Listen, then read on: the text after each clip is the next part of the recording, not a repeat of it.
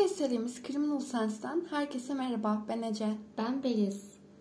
Ee, bugünkü davamızda Filipinli bir anne ve kızının ortadan kayboluşunu, yapılan aramaları ve bulundukları korkunç yeri konuşacağız.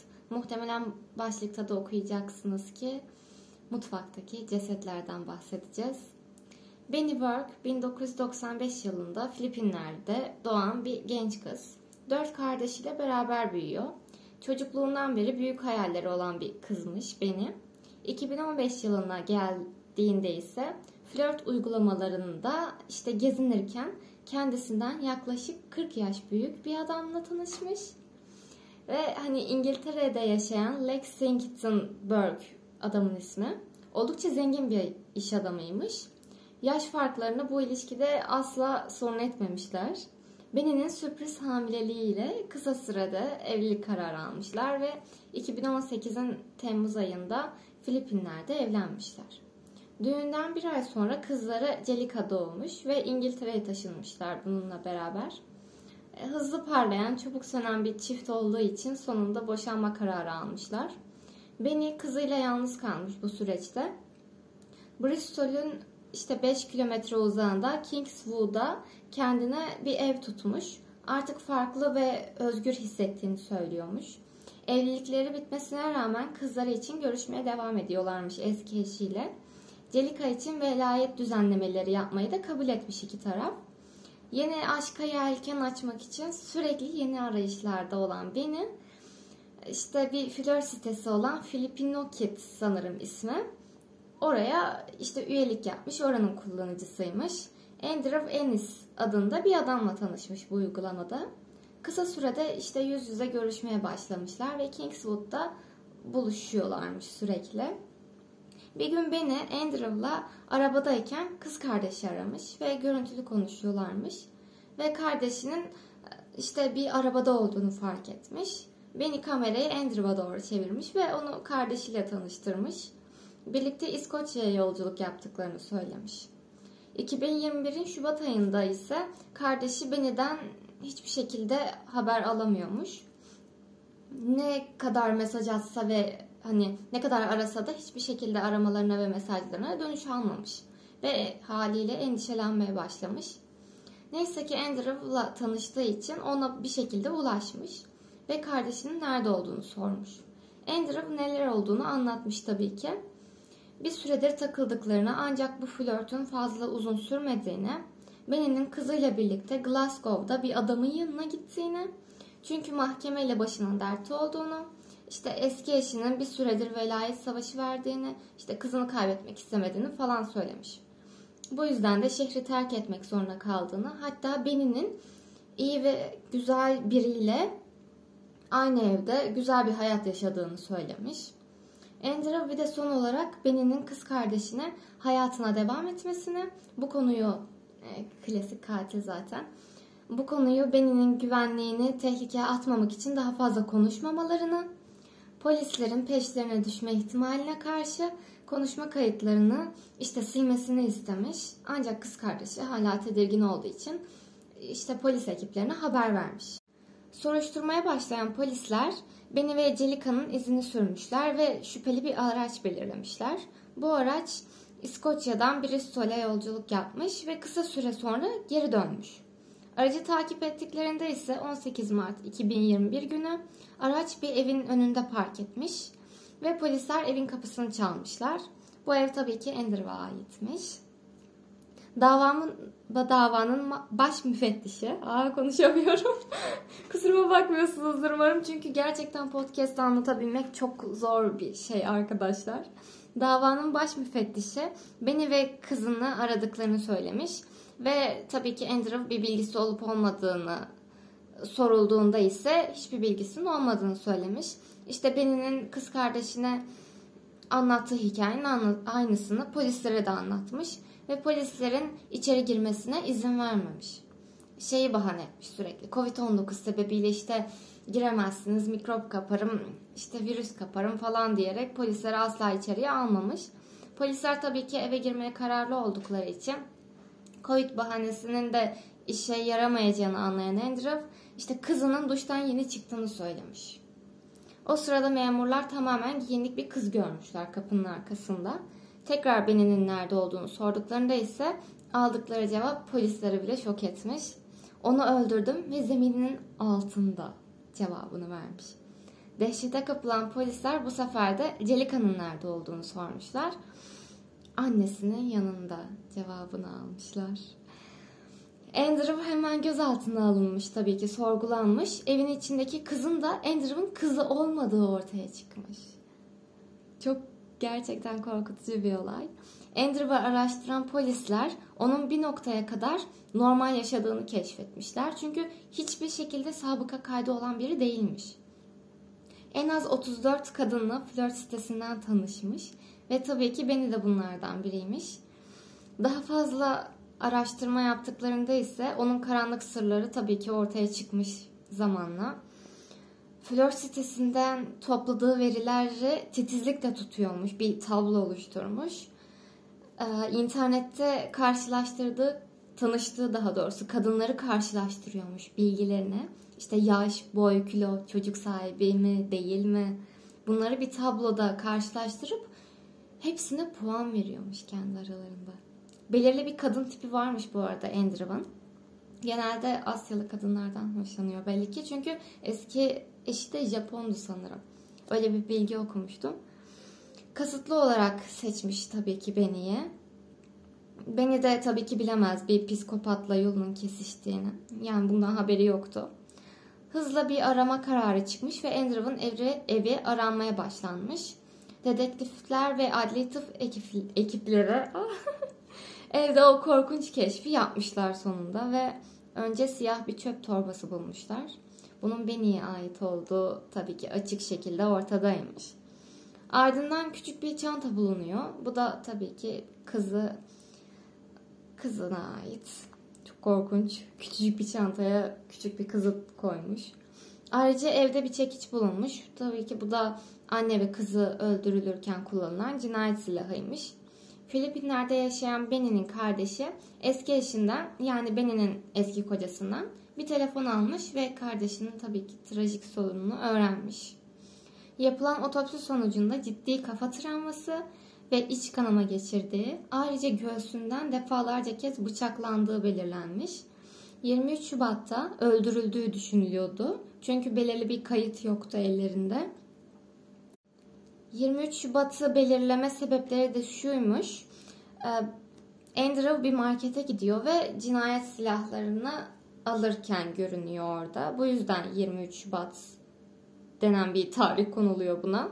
Ne kadar zamandır zeminin altında gömülü olduklarını sorulduğunda ise şunları anlatmış. Andrew ve Benny evde buluşup hafta sonunu beraber geçirmeyi planlıyorlarmış. O sırada Andrew Benny'nin telefonunda 50'den fazla erkekle sohbeti olduğunu görmüş ve bunun üzerine tartışmaya başlamışlar.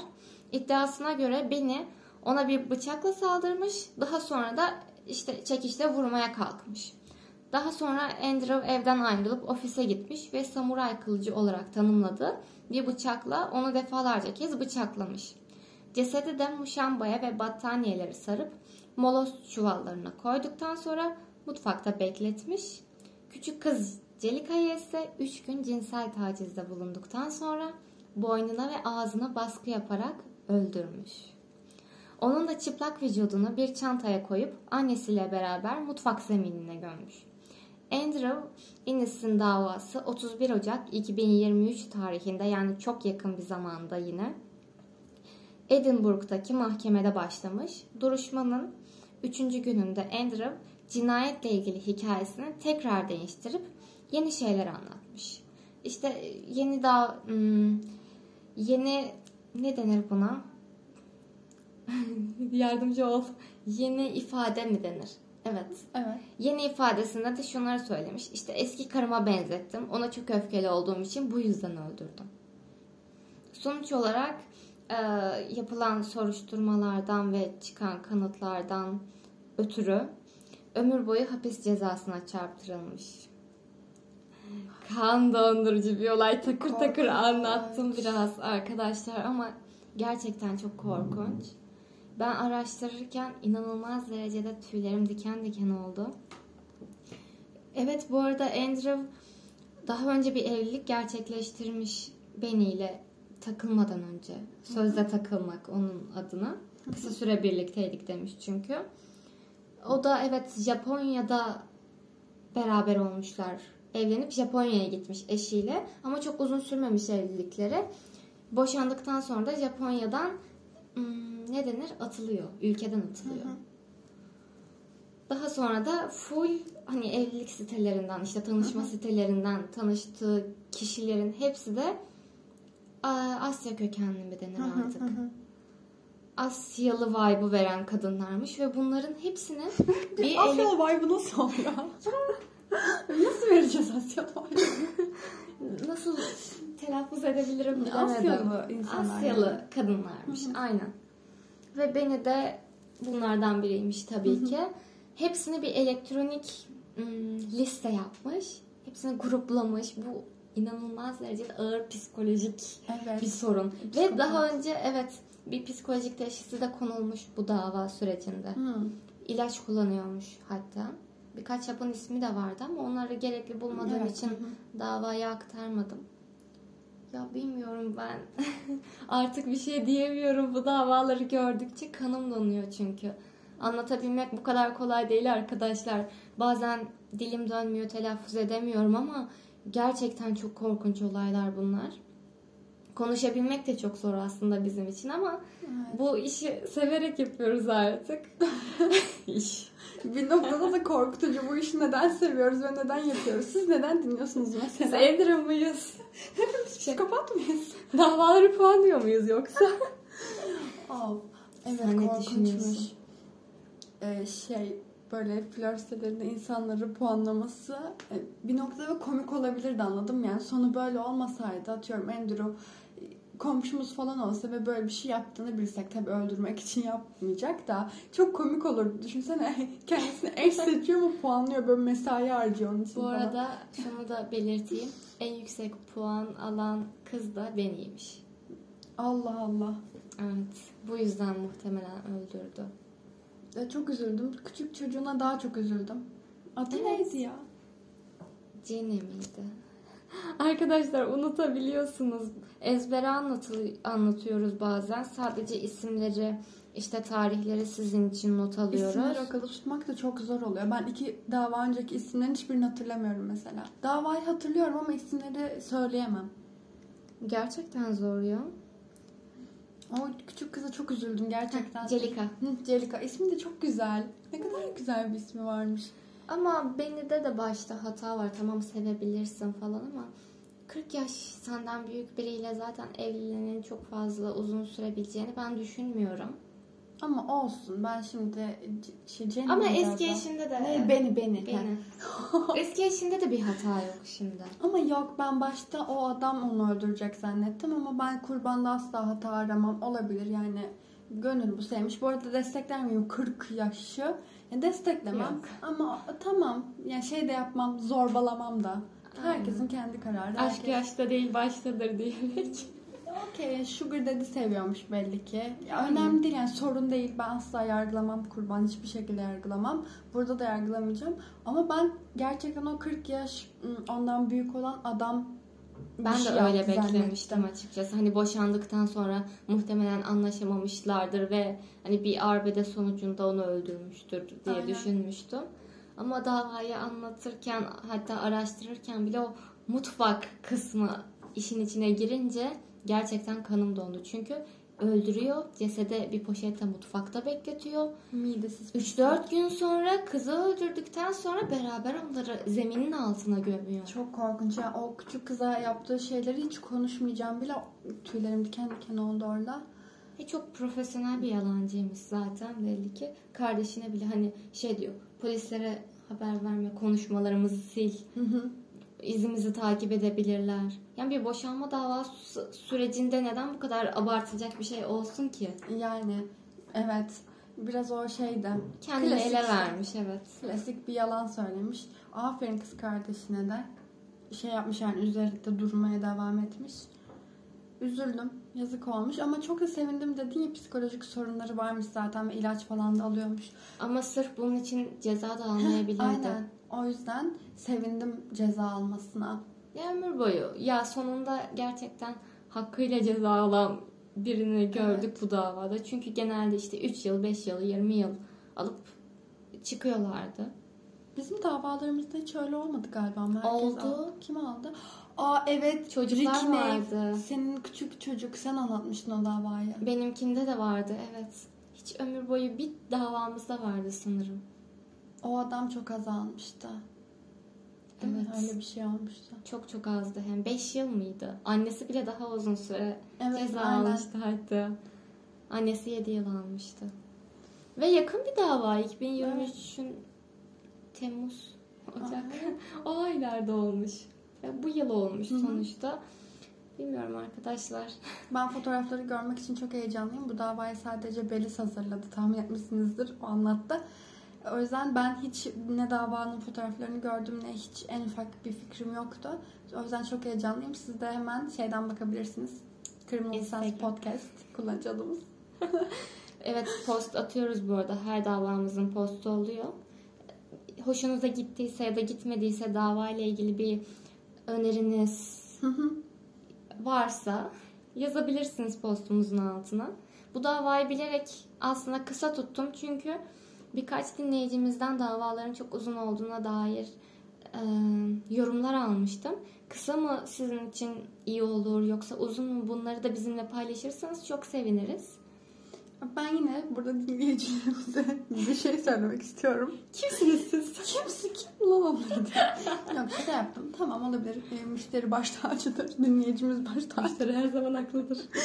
Ama kısa dava birincisi davanın kısa olup olmayacağını o kadar çok hemen anlayamıyorsun. Kestiremiyorsunuz. Evet çok Aynen. uzayabiliyor. Çünkü aynen bir yerlere dallanabiliyor. Araştırdıkça araştırıyorsun ve biz iyi bir e, araştırma sunmak istiyoruz özellikle size. O yüzden detaylı bir şekilde anlatıyoruz. Yoksa gerçekten biz de biliriz yani bir kadın varmış ya da bir adam varmış sonra öldürülmüş.